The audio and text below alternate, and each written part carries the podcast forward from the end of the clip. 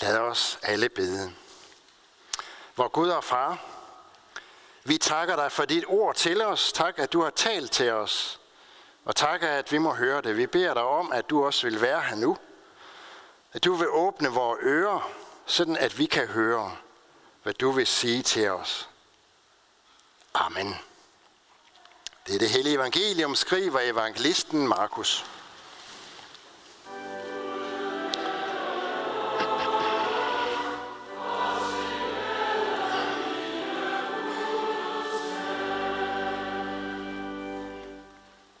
Jesus drog igen bort fra egen ved Tyros og kom over Sidon til Galileas sø midt gennem Decapolis.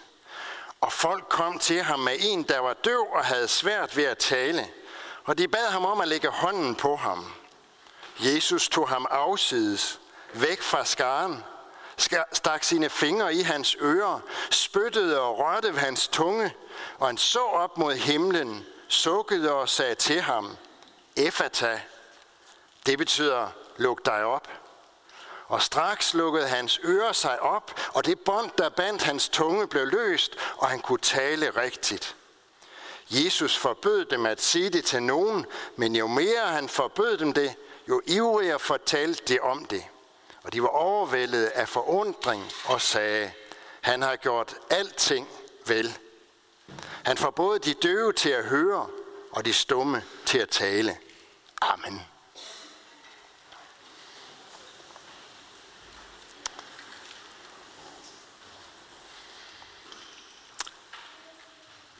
Når Jesus helbreder mennesker, så, øh, så sker det på mange forskellige måder.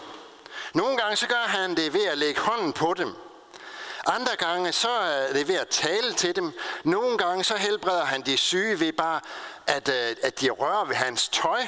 Og vi hører faktisk også om, at han helbreder nogen, som er på lang afstand af ham. Den her beretning, som vi har hørt i dag, er bare et eksempel på, hvordan Jesus helbreder. Men som vi skal se, så viser den, hvordan Jesus havde omsorg for den, der vil modtage hans hjælp. Og det bliver aldrig nogensinde til samlebåndsarbejde for Jesus. Jesu helbredelse af menneskers sygdomme, det er en vigtig del af det, han foretog sig, mens han gik rundt, vandrede rundt i Israel sammen med sine disciple. Og nogen vil sige, at det vigtigste for Jesus, det var de ord, som han forkyndte om, øh, om Guds rige, og at mennesker kom til tro på ham. Det vigtigste var, at de tog imod hans budskab og fik evigt liv. Og det er vigtigt. Andre vil sige, at det var hans kærlige sindelag over for mennesker, og hans hjælp til mennesker i nød, som var det vigtigste. Og det er også vigtigt. Men faktisk så er det allervigtigste, at vi ikke skiller hans ord og gerning fra hinanden. For den åndelige og den menneskelige hjælp er to sider af samme sag. Når Jesus han mødte øh, mennesker, så så han på hele mennesket, og han gav sin hjælp til alt det, som det menneske havde brug for. Han vidste, at vi mennesker har brug for både åndelig hjælp, altså hjælp til at tro, og brug for hjælp i helt konkrete forhold, som angår vores daglige liv, altså det, som handler om, om vores fysiske og psykiske velbefindende. Jesu helbredelser er tegn på, at Jesus bekymrer sig om hele mennesket, og ikke kun er interesseret i vores sjæles frelse. Det er vigtigt, at vi er opmærksom på det. Når Jesus mødte mennesker, så var det nogle gange sådan, at han primært tog sig af de åndelige, af den åndelige, sjælelige hjælp, og gjorde det under at lede et menneske, eller bevare et menneske til tro eller i tro på ham. Andre gange, så tog han sig af den fysiske hjælp og gjorde et helbredelsesunder. Men altid, så handlede det om hele mennesket. Hans helbredelser viser os, hvordan mødet mellem himmel og jord kan finde sted. Hvad sker der, når mennesker modtager det, som Gud har at give os? I dag der skal vi se nærmere på den her beretning om helbredelsen af den døvstumme mand som et eksempel på, hvordan det er, Jesus vil møde også os, som lever i dag i 2019 i et moderne samfund. Men lad os først lige se på, hvor det egentlig er, vi er hen. Hvor befinder vi os egentlig henne? Vi befinder os oppe i det nordlige Israel, og der står, at Jesus han forlod Tyros og kom til Sidon. Det er herude øh, på, på kysten. Og øh, så står der, at han kom til Galileas sø, og at han gik igennem Decapolis. Og øh, Decapolis, det har vi hernede. Og så skal han altså hen til Galileas sø. Så man kan sige, at han faktisk tog den nærmeste omvej for at komme dertil. Men det er der, vi befinder os nu. Det er der, øh, han gør det her under. Og det første, som vi så lægger mærke til, det er, at den døve mand kommer til Jesus. Han kommer hen til Jesus. Der er nogle mennesker, der tager ham med derhen, men bevægelsen sker altså udefra hen til Jesus. Det er ikke Jesus, der opsøger den døve i hans hjem, eller hvor det nu er, han befinder sig. Det er den døve, der kommer til Jesus. Og den her øh, bevægelse, den er faktisk ret væsentligt. Fordi den mand, som vi hører om, blev helbredt, fordi han kom hen til Jesus. Han blev faktisk helbredt, fordi han kom hen til Jesus. Var han blevet derhjemme, så var det ikke sikkert, at der var sket noget. Det er jo ikke umuligt, men det er jo ikke sikkert, at der var sket noget. Det vil sige, skal vi forvente at få hjælp af Gud, så må vi komme til ham. Så må vi bede ham om at få hjælp. Og egentlig, så er det vel ikke så overraskende. Jeg må vise en interesse, et initiativ. Jeg må være åben. Udtrykke et ønske over for Gud, for at han kan forandre noget i mit liv. I dag er der en lille pige og en lille dreng, som er blevet bort her ind i Herning Kirke, bort herop til døbefonden. Silke og Nora blev for lidt siden sat i livsforbindelse med Jesus. Det var jo helt fantastisk, det som skete lige hernede ved en døbefond. Hvis Silke og Noras forældre havde ladet dem blive derhjemme, så var der ikke sket noget. Så havde de ikke fået del i det, som Jesus har til dem. Fået del, så var de ikke blevet sat ind i det fællesskab, som de blev sat ind i hernede, lige hernede ved døbefonden. Vil vi have fællesskab med Jesus og hans hjælp, så må vi komme til ham. Det næste, som sker, da de kommer med den døve til Jesus, det er, at Jesus tog ham med til et roligt sted. Væk fra de mange folk, som altid samledes omkring Jesus. Han vil, at den døve skal rette sin fulde opmærksomhed mod Jesus og det, som han nu skal til at gøre. Der skal ikke være noget, der forstyrrer.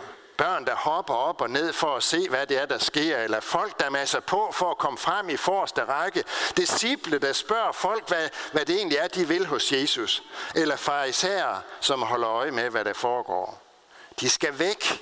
Væk fra alt det på styr, som den døve jo godt nok ikke kan høre. Men det er jo sådan, at når man er handicappet på et område, så vil det ofte være sådan, at så kompenserer man på et andet område. Så der er ingen tvivl om, at den døve også bliver forstyrret af den her folkemængde. Jesus tog den her mand med sig afsides, for nu skulle han koncentrere sig om det, som Jesus ville gøre for ham, og ikke om alt muligt andet. Nu kunne den døve mand så opleve, hvordan Jesus med tegn og ord helbredte ham, og der vil ikke være nogen tvivl om, at hans sind, der vil ikke være nogen tvivl i hans sind om, hvad Jesus gjorde for ham. Han havde alle sanser spændt og oplevede, at de sanser, som han manglede før, nu pludselig var i funktion igen. Den del af beretningen kan vi også lære noget af. I det samfund, måske kan vi, er det der, vi kan lære allermest i dag. I det samfund, vi lever i, i dag, der er der næsten hele tiden på styr alle steder. Vi var indtryk, som presser sig på fra alle sider. Vi lever i den øh, globale landsby, som man siger, hvor nyheder fra hele verden konstant banker på vores dør. Vi lever i et, i et multimediasamfund, hvor vi ikke bevæger os ret langt uden at have adgang til, til internet, øh, e-mail. Og er der et sted på Danmarkskortet, hvor, øh, der ikke er noget signal til mobiltelefonen, jamen så bliver vi med det samme sådan en lille smule desperate. I den digitale tidsalder, der kan Gud så nemt blive reduceret til bare en stemme i strømmen af alle de andre informationer og opgaver og forpligtelser, som opfylder vores liv. Så er det faktisk sket det, at vi er blevet døve for Guds stemme. Derfor kan vi have brug for at komme afsides. Skal vi kunne opleve det, som Gud har at give os, så må vi skaffe os noget ro, noget plads til det i vores liv. Det kommer ikke af sig selv. Vi er nødt til at vælge det. Kirkens rum er et af de steder, hvor det kan være stille og hvor det kan være ro til at koncentrere sig. Det kan være til en gudstjeneste, men det kan også være i løbet af ugen, fordi kirkens dør er åben, så enhver kan gå ind og sætte sig her. Om det er i kirken, i naturen eller et andet sted, hvor vi finder et stille sted at være, det er sådan set ikke det afgørende. Men skal vi have en chance for at være opmærksom på, hvad Gud vil give os, så er vi nødt til at trække os væk. Så er vi nødt til at trække os bort fra verdens larm. Gerne et bestemt tidspunkt på dagen eller ugen, sådan så det ikke bare bliver en enkelt gang eller to, men noget, som er en del af vores relation til Gud, vores forhold til ham, vores liv med ham. Så går vi et skridt videre i fortællingen. Og øh, fordi nu, nu er den døve så kommet hen til Jesus, de er gået lidt afsides. Hvad sker der så? Ja, hvis man forestiller sig situationen, så er det jo egentlig en lille smule ulækkert, hvis man kan tillade sig at sige det. Først så stikker Jesus sine fingre ind i hans ører. Altså han nøjes ikke med at, sådan at røre ved ørerne. Han stikker simpelthen fingrene ind i dem. Og ikke nok med det. Bagefter så spytter han så på de fingre, som han lige har renset ører med. Og så rører han ved mandens tunge. Det er en lille smule ulækkert. Det, som det i hvert fald fortæller os, det er, at Jesus han står ikke på behørig afstand. Han, han er ikke bange for at blive beskidt. Han rører faktisk ved det menneske, som er i nød. Han kommer helt tæt på. Han er ikke bange for at røre ved os. Han er heller ikke bange for at røre ved det, som ikke er så pænt. Det, som måske stinker lidt. Det, som er lidt, vi måske selv synes, er lidt ulækkert. Og den døve mand lod Jesus røre ved sig. Det var en del af helbredelsen. Vi kan måske godt være tilbøjelige til at holde Gud sådan lidt på tre skridts afstand. Vi synes måske ikke, at han skal røre ved alt i vores liv. Men slet ikke det, som vi skammer os over. Det er, det er for træls. Det er for ulækkert. Det, det, det er for pinligt at tale om. Men det er jo netop ved at lade Jesus røre ved os, at tingene også kan forandre sig. Når vi, når vi lader Gud komme helt tæt på og fortæller ham om de tanker, de handlinger, som vi skammer os over, og som vi måske ikke engang tør at, eller har mod at tale med et andet menneske om, så vil han tilgive det forkerte og helbrede det, som er gået i stykker, for han fordømmer os ikke. Det er ikke Jesus, der holder sig tilbage for at røre ved os. Prøv at huske på, at Jesus han blev faktisk menneske. Han var hos sin far i himlen, ophøjet. Han var blandt englene, i Guds herlighed, lovprist af englene der. Men han blev menneske, han steg ned, født i fattigdom, blandt almindelige mennesker. Og han levede et liv som vores i 30 år, inden han begyndte at samle sine disciple. Jesus gik ind i vores verden. Han blev selv et menneske. For han var ikke bange for at røre ved vores liv. Og det er han stadigvæk ikke, uanset hvordan det ser ud. Men vi skal tillade ham at gøre det. Være åbne. Ærlige om vores liv. Lægge det frem for ham. Det er faktisk sådan her, det er fat med mig. Jeg fortæller det ikke til andre, men jeg fortæller det til dig, Jesus. Det kan godt være svært, det ved jeg godt. Hvis man er sådan lidt en tilbageholdende type, jeg vil godt holde det lidt for mig selv. Det kan være en vanskelig proces, eller andre komme så tæt på sig. Men hvis vi gør det, lad Gud røre ved os, så kan han helbrede os, give os nyt liv. Så kan han tilgive alt det forkerte. Helbredelsen af den døve mand falder i, i to dele. Først rører Jesus ved ham, og derefter så siger han, Efata, luk dig op, betyder det. Når det her gamle ord, Efata, det er bevaret i den danske oversættelse, så tror jeg faktisk, at der er en helt bestemt grund til det. Nemlig for at, at minde os om at understrege, at Jesus han sagde bare et enkelt ord. Det var nok. Et ord var nok. Et ord, så blev det sådan, som Gud ville. I lovprisningen af Jesus efter og under, der lyder det, han har gjort alting vel.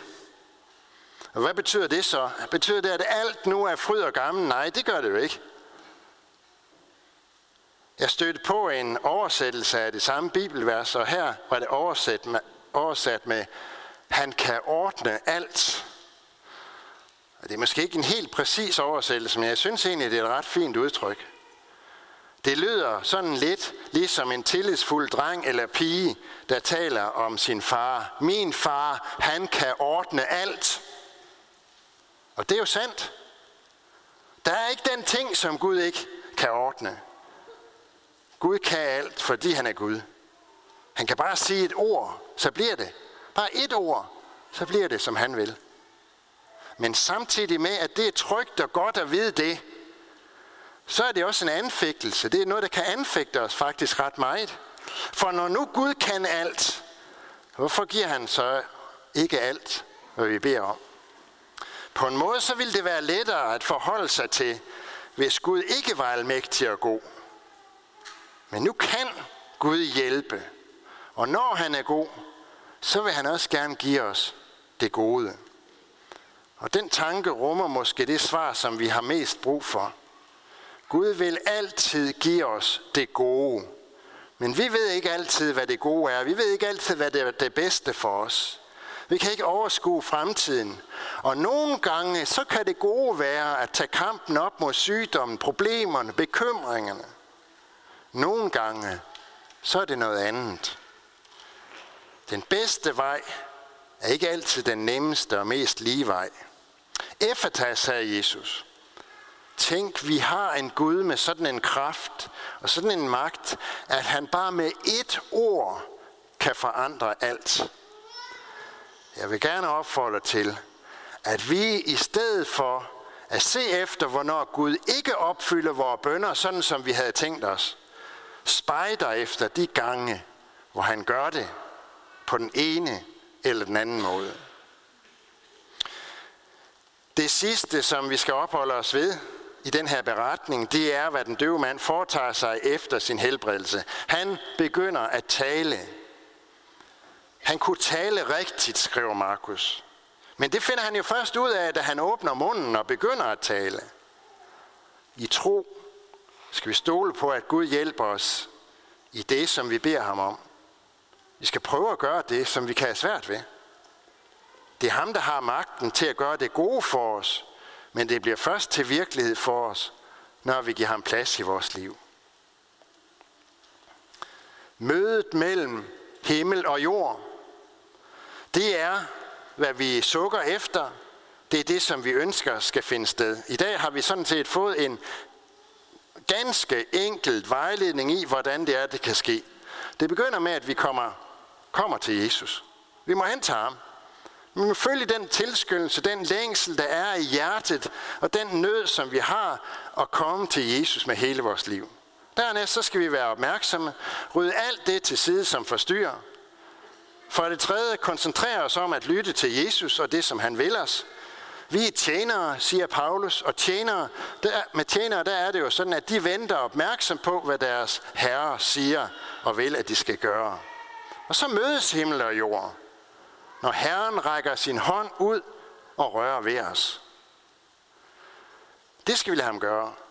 Og så skal vi lukke ham ind i alle hjørner og alle kroge af vores liv. uden at skamme os over, hvad det er, han får at se. Så kan hans helbredende kraft fylde os. Og så for det femte, for Gud gør under os i dag, og det kan han også gøre i dit og mit liv. Tænk, om vi ikke opdagede det. Tænk, om vi ikke opdager, hvad Gud har gjort for os. Lad os leve i tro og stole på ham. Amen.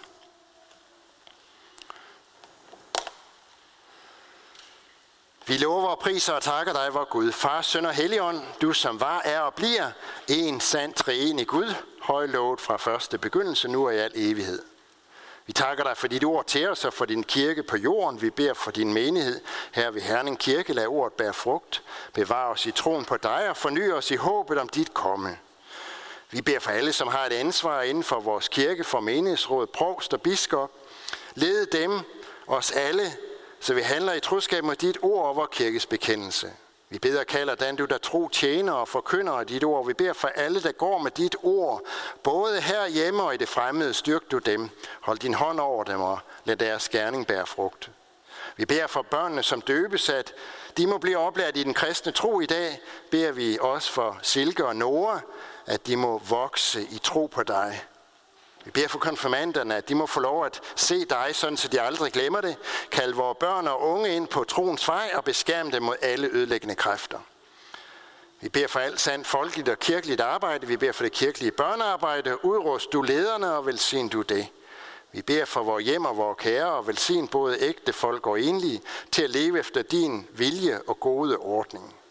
Vi beder for alle, der er sat til at styre vores land, for vores dronning og hele hendes hus, for regering og folketing, for alle, der er betroet et ansvar i stat, region og kommune.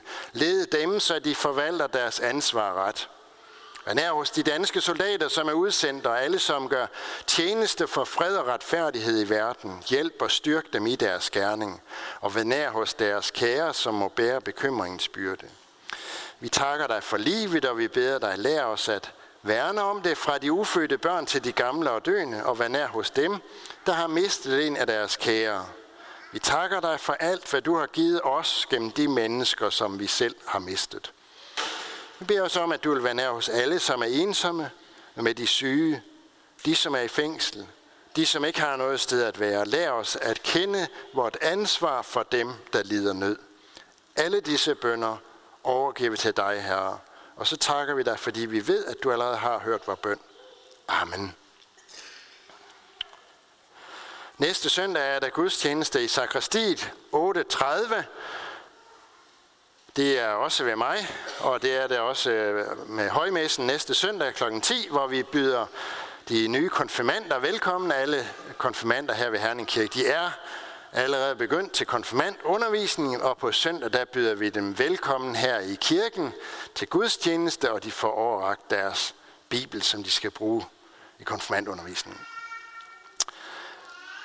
Af øvrige bekendtgørelser i ugen, der henviser jeg til kirkebladet og til, hvad der står her på skærmen. Kun et enkelt, en enkelt ting vil jeg nævne, nemlig vores sovneaften på onsdag. Det foregår over på den anden side gaden i Betania, og vi får besøg af Thomas Bjerg Mikkelsen, der er leder af menighedsfakultetet. Han fortæller om, eller han har emnet, alle vil jo bare elskes. Og det, der fortæller han om sit møde med og venskab med en livstidsfange. Onsdag kl. 19.30 i Betania. Velkommen der. Og øh, så er det sådan, at i dag er der også kirkekaffe, som der plejer at være efter gudstjenesten. Det er også i Betania på den anden side af gaden. Og i dag afholder vi under i forbindelse med kirkekaffen vores menighedsmøde. Menighedsrådet, der orienterer om og fortæller om, hvad det er, der rører sig lige nu, hvordan, hvad der bliver brugt penge på, og hvad der sker i menigheden. Der er lidt øh, økonomi også, og der er lidt, øh, ja, vi skal høre lidt om, om menighedens liv. Så velkommen alle til menighedsmøde her bagefter. Der bliver lejlighed til os at spørge om forskellige ting. Ja. Det er umiddelbart efter gudstjenesten. Og i dag samler vi ind til ordet og Israel. På forhånd tak for en god gave til det arbejde. Så vil vi rejse os og med apostlen ønske for hinanden. For Herre Jesu Kristi nåde, Guds kærlighed og Helligåndens fællesskab være og blive med os alle Amen.